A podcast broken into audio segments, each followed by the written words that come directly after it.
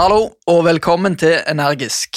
Jeg heter Sjur Oppostad Gabrielsen, og med meg i dag har jeg min faste podkastmaker Ola Hermansen. Hallo, Sjur. Hallo. Dagens tema det dreier seg om kjøp og salg av strøm. Yep. Og da tenker jeg ikke på det kjøpet som du og meg gjør som forbrukere, men jeg tenker på den omsetningen som skjer i leddet før der. Ja, altså vi er jo på en måte en, en veldig viktig del av dette her. Men vi får jo på en måte bare levert strøm fra det som er helt riktig, som du sa, en omsetter. Eh, Det kan være eksempel Gudbrandsdalen Energi, Fjordkraft, Norges Energi, eh, Tibber Altså det er mange ulike sånne aktører. Eh, Men veldig få av disse her, de produserer strømmen selv. Mhm. Det er det såkalte produsenter som gjør. Ja. Og skal det sies at en del av disse her er kanskje i samme konsern som, eh, som produsenten. Altså du har jo, vi hadde jo Steffen Syvertsen her, altså lederen i Agder Energi. Mm. Eh, de har jo et eget eh, stort eh, omsetterapparat, men det er jo også en stor vannkraftprodusent, mm. eksempel. Men eh, det vi skal snakke om i dag, er jo da det som heter kraftmarkedet. Vi, jeg har veldig lett for å kalle det også energimarkedet, men det er egentlig det samme. ja. Um, og det er jo et øyeblikksmarked. Altså um, Produsenter setter en pris på strømmen, mm. uh, og omsetterne kjøper det. Mm. Og dette her var jo en av de store, liksom, viktige tankene som skjedde når vi fikk energiloven i 1990. Man skulle ha da et markedskryss. Ehm, og for å få det markedskrysset så måtte du ha en etterspørsel. Mm. Det var jo da omsetterne. Og så måtte du ha en produksjon, som er produsentene.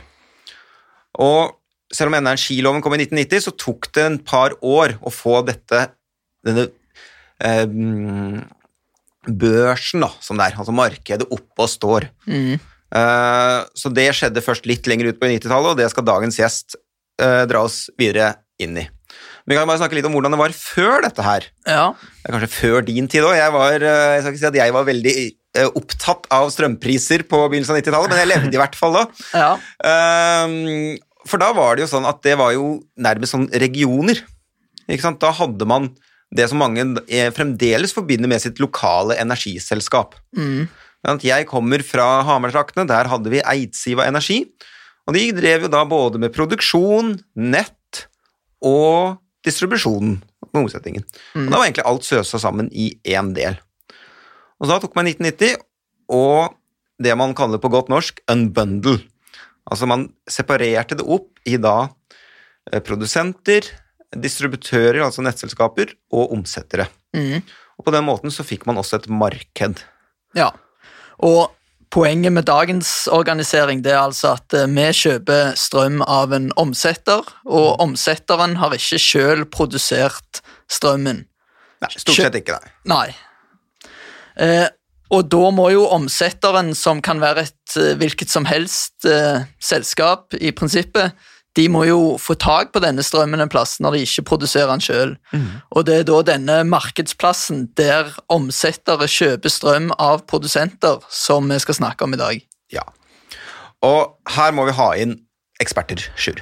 Ja, vi kan litt om det sjøl, men som alltid så er det dessverre noen som kan mer om det enn oss. Ja.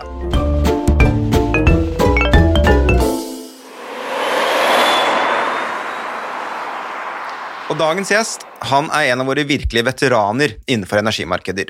Han har jobbet med dette siden dereguleringen av kraftmarkedet på 90-tallet, og han har hatt mange forskjellige stillinger innen både Nordpol og Nasdaq, altså de nordiske kraftbørsene. Han har jobbet med markedsovervåkning, forretningsutvikling og vært daglig leder for Nordpol Spot. Han har reist verden rundt for å delta i utviklingen av kraftmarkedene slik vi kjenner dem i dag, både i Norge, Europa og resten av verden. Han jobber nå som Director of Market Coupling Operation i Nordpol. Dagens gjest er Hans Randen. Da er det veldig hyggelig å ønske velkommen hit til oss i Energisk. Tusen takk for det. Du er invitert til oss i dag for å snakke mer om temaet kraftmarkeder. Kan du innledningsvis prøve å fortelle våre lyttere helt enkelt hva et kraftmarked er? Kraft handles jo som en vanlig vare. Så det er et eh, strømmarked hvor vi kan handle både på børs, du kan handle bilateralt, dvs. Si mellom to kunder, mm. eller eh, du kan eh, selge direkte mellom forbruker og, og produsenter i markedet. Ja, Så det dreier seg i korte trekk om kjøp og salg av strøm? Kjøp og salg av strøm. Ja. Det. Og, men vi skiller da altså Fordi man kan både handle fysisk og finansielt.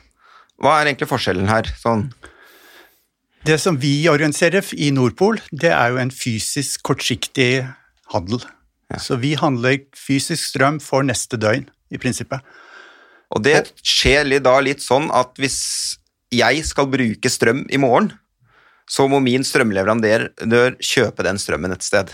Ja, og ja. det blir organisert som en auksjon. Altså Du selv gir beskjed om til hvilke priser du ønsker å selge, og de som kjøper til hvilke priser de ønsker å kjøpe, og så får du en balanse mellom kjøp og salg som gir da en kontrakt. Men så finnes det da et finansielt eh, energimarked, eller kraftmarked, da. Hva er det? Det er de som da ønsker å prissikre seg framover i tid. Som jeg sa, Det vi handler, er for én dag om gangen, men hvis du ønsker å handle kontrakter på lengre sikt, opptil fem-seks år, så kan du gjøre det i et finansielt marked og få på en måte en form for fastpris med leveranse over en eller annen periode framover i tid. Så dere i Nordpol dere har altså en markedsplass der eh, strøm selges og strøm kjøpes. Hvordan var dette kjøp og salg av strøm organisert tidligere? Vi har hatt en børs helt siden vi fikk energiloven i 93. Da, fra da av så har vi handla eh, fysisk handel over børs, og vi handla langsiktige kontrakter. Før det så var det meste bilateral handel, som jeg sa, altså handel mellom parter direkte. Og vi hadde en liten børshandel. Nå er vi over 90% av det norske forbruket handles over Nordpol, mm -hmm. så det fysiske. Men en stor del av det er jo også, da, som vi sa tidligere, finansielt prissikra. Men det har gått fra å være et bilateralt marked til å bli et børsmarked i stor grad. Og spesielt i Norge, der er eh, børshandel svært utstrakt. Og hva er grunnen til at det ble en omlegging fra bilateral handel til et børsmarked på 90-tallet? Altså Hele bakgrunnen for energiloven var jo å få til en mer effektiv handel. Altså Det spotmarkedet vi hadde da, det var et lukka marked bare for produsentene, som hadde en helt annen pris enn det langsiktige markedet. Og man da åpna spotmarkedet slik at alle kunder fikk tilgang til et døgnmarked. Så det gikk på effektivitet, egentlig på samme måte som i dag. Altså De endringene som er i markedet i dag, er jo å få en økt effektivitet i handelen i markedet. Og utnyttelse av ressursene på en bedre og mer optimal måte. Mm. Ja, og det for de lyttere som kanskje ikke husker det, så hadde vi eh, tidlig i sesong én så hadde vi jo en fysiker her i studiet som snakket om altså den momentane utnyttelsen av strøm. Mm. Altså hvordan vi må balansere strømnettet vårt på 50 hertz hele tiden, og du må bruke like mye som du produserer. Eller produsere like mye som du bruker, er vel kanskje mer riktig veien å eh, se på det. Og det er jo det som da dere egentlig er opptatt av også på Nordpol. Ja, og det er liksom hele fundamentet. Og kanskje det også, når vi sa innledningsvis at det er en vare, men det er jo den største forskjellen mellom strøm som vare og mange andre. Mm. Det må brukes. altså Det er ingen lagervare. Du kan ikke putte det i en oljetanker eller putte det på et lager. Du kan kanskje spare noe vann i et magasin, men selve varen den eh, må brukes og produseres til samme tidspunkt. Ja, Så får vi se hva som skjer med batteriteknologien nå fremover, men det er, det, eh, det er en helt annen episode. tenker Ja, det er jo spennende, men det er jo først og fremst for å håndtere kortsiktig effekt, ikke nødvendigvis å lagre energi over tid i et batteri. Ikke sant. Så Nordpol det er en av flere markedsplasser for kjøp og salg av strøm. Hva områder, geografiske områder er det som er tilslutta Nordpol? Sånn som markedet er organisert nå, så er det organisert som et europeisk marked. Så vi opererer nå i 15 land. Mm. Så vi har, har, en lisens for å operere i både i hele Norden, Baltikum, i store deler av kontinentale Europa. Inntil 1.1 også i England. Og der er det bortimot 20 andre børser som er aktive i forskjellige geografiske områder. Ja. Så, og vi har da et samarbeid mellom oss for å, å håndtere spotmarkedet på en felles måte. Samtidig som vi også har en krav om å konkurrere mellom oss. Hvordan fungerer dette samarbeidet? Det fungerer delvis bra altså i forhold til å utvikle algoritmer, men det er jo også konkurrenter. Og det er klart at uh, å samarbeide med konkurrenter er jo alltid en utfordring. Så derfor er jo på en måte reguleringen av hele denne aktiviteten en viktig del av, uh, av de diskusjonene vi kontinuerlig har på det europeiske nivå. Og da kommer vi inn på noe som kanskje flere av våre lyttere kjenner til, altså ACER. Det er de som har oppgave å regulere dette her, er det ikke det? ACER setter rammene for eh, markedet ja. for hele Europa. Og, eh, ja, så de er en av de som på en måte gir rammevilkårene for vår agering i markedet. Fordi Er det store forskjeller mellom landene her? Altså, Norge har jo da hatt et kraftmarked i snart 30 år. Eh, og begynner jo å bli ganske vant til at, det er, at du har ulike strømleverandører og produsenter, og at dette her er uh, si, frislipp. men hvordan er egentlig situasjonen i de andre europeiske landene? Det er jo forskjellig. Noen eh, land har jo fortsatt eh, regulert som monopoler. F.eks. Ja. Spania, Italia og noen av eh, de østeuropeiske landene er monopolregulert, samtidig som de er en del av samarbeidet. Mens hele Norden, Baltikum og Sentral-Europa er åpen for konkurranse. Slik at det er forskjellig profil på, på de selskapene som eh, jobber sammen. Utvikling av markedet er jo spesielt velutvikla i hele Norden i forhold til mange av de andre landene, og også det ute på sluttkundesiden. Jeg tror jo når vi ser bare på de som eh, er interessert i strømpris på vår hjemmeside, så er det en stor andel husholdningskunder. Altså det at norske ja. kunder bruker spotprisen eller vår pris som referanse for kontrakten, er spesielt i Norden, og enda kanskje mer innen Norden, mer spesielt i Norge. Du nevnte at noen av disse landene er monopolregulert. Kan du bare utdype hva du mener med det? Det betyr at det er bare én børs som har lov å operere der. En børs per land? En børs per land. I en del av de andre landene så er det åpent for andre å søke lisens og operere, men i en håndfull land så er det kun én børs som kan eh, operere. Mm -hmm. Nå føler jeg at vi har eh, snakka litt om hva kraftmarkedet er, hvordan det er i Europa og sånne ting, men det er jo trender i energibransjen om dagen. Og noe vi snakker mye om, er jo det grønne skiftet. Eh, hvordan eh, Har det noe innvirkning på energimarkedet? Ja, det har det absolutt. Og vi ser det jo vi ser det på den daglige håndteringen av markedet. altså Det at det er blitt en stor eh, grad av både vindkraft, solkraft, som kommer inn. Batteriet har kommet inn, kanskje mm. ikke du merker så direkte på markedet, men det betyr jo noe for eh, hele balansen, behovet for å handle.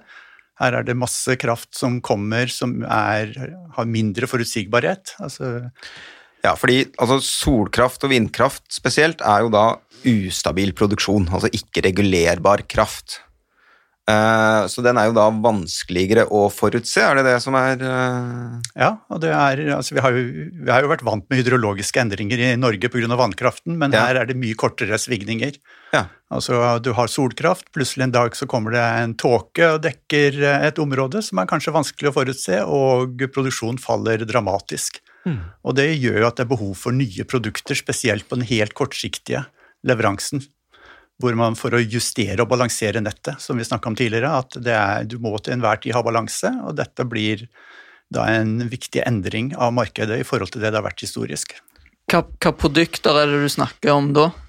Vi ser jo stadig mer behov for det vi kaller for et fleksibilitetsmarked eller kapasitetsmarked, hvor du er nødt til å balansere ting helt kortsiktig. Mm -hmm. Og både ved at du har produksjon som kan regulere, men også hvor kanskje forbruk kan begynne å bli mer aktiv også. Du kan koble ut forbruk i en kort periode for å balansere ut at du mangler produksjon. Så et kortsiktig fleksibilitetsmarked det er under, utvikling og blir diskutert i mange land. Hva slags tidsintervaller er det vi egentlig ser for oss da? Da snakker vi om de siste timene før leveranse, og kanskje helt opp i leveransetidspunktet. Ja og med større grad av eh, lite regulerbar eller fleksibel produksjon, så vil jo dette sette krav også på nettsiden. Så mange av netteierne helt fra lokalt opp til sentralt nivå vil ha behov for produkter for å kunne balansere sitt eget nett. Så det er jo en balanse der også mellom det å produsere eller greie å regulere, kontra å måtte investere seg ut av alle problemer. Så et fleksibilitetsmarked vil også da avhjelpe netteierne i forhold til fremtidige investeringer. Ja, ikke sant? Fordi Netteierens alternativ er jo da å koble seg opp mot flere produsenter, altså et mer masket nett. da. Ja. ja. Og det koster jo veldig mye. Det koster mye, og du har det helt på lokalt. altså Bare helt eh, lokalt hos meg sjøl. Altså, nå har vi installert uh, ladere i garasjeanlegg som gjør at vi måtte investere i en ny transformator. Mm. Og, dette, så, og, får du markedsløsninger som kan håndtere slike ting, så får du også da et mindre investeringsbehov. Og, altså, du var jo inne på det, altså, Solkraft og vindkraft det skifter jo veldig raskt. Hvor, hva slags tidsintervall er det markedet er delt inn i? Sånn I dag så handler vi på vårt nivå så handler vi timeskontrakter. Ja. Du handler én og en time. Det er nå eh, bestemt at vi skal gå ned til 15 minutter. Så det vil komme i løpet av to-tre år, så vil det da være 15 minutters oppløsning på all kortsiktig handel. Og det er klart, i nuet, altså de som er netteiere og balanserer, de, det er jo momentant. Ja. Er, de kan ikke vente i en time. De kan ikke vente en time. Nei. Jeg var litt øh, Begynte å snakke om ACER her egentlig. Og det er fordi vi får jo mye spørsmål om det om dagen, og det har jo vært i Høyesterett, og det er jo noe jurister generelt er opptatt av. Eh, men du sa at ACER hadde en rolle med å regulere, eller sette rammene for dette her i Europa. Hvor mye påvirker det det som skjer i Norge? Det som vi er opptatt av, er jo egentlig å ha like konkurransevilkår. Som jeg sa, Vi konkurrerer jo samtidig som at vi samarbeider, og det å ha like konkurransevilkår gjennom Europa er det som er viktig for oss, ja. som på en måte har noe med vår relasjon til ACER å gjøre. Slik at når det er en revidering av den reguleringen som kommer i løpet av en par år, så er det hovedfokus fra vår side. For Da snakker du om hvordan Nordpol skal da konkurrere med de andre børsene? Ja. Ikke sant? Så det er ikke så mye for egentlig hvordan forbrukerne, altså deg og meg, har det Nei, dette går direkte på mellom børser. I og med at vi kan ha flere børser i et land, så er det viktig at vi også har like konkurransevilkår innenfor det samme landet. Og et interessant poeng her er vel at Norge var veldig tidlig ute med dette her, å liberalisere kraftmarkedet, uh, som det heter. Og som jeg har skjønt, uh, så har kanskje Norge vært litt sånn førende på dette området med å ha energimarkeder og kraftbørser og sånn. Er det riktig, eller er det Ja, det er absolutt. Altså, vi starta jo si, organiserte handelen med Nordpol i 93, og det regelverket som vi la opp da, helt privatrettslig, det er det som på en måte Rammene fra det er den som nå er inne som en nærmest en europeisk lovgivning som setter rammene for hele. Så alle børsreglene våre, transparensreglene våre, er veldig mye plukket fra det norske setupet som vi hadde tidlig. Selvfølgelig er det utvikla, men uh, hovedprinsippene er egentlig det som er kommet fra det norske og det nordiske historisk. Så, så, egentlig kan du si at Nordpol ikke har måttet gjøre så mye tilpasninger, men det er resten av Europa som måtte ha tilpasset seg hvordan vi har gjort det i Norge? Absolutt. Absolutt. Det er fordelen med å være først ute. Det er en fordel.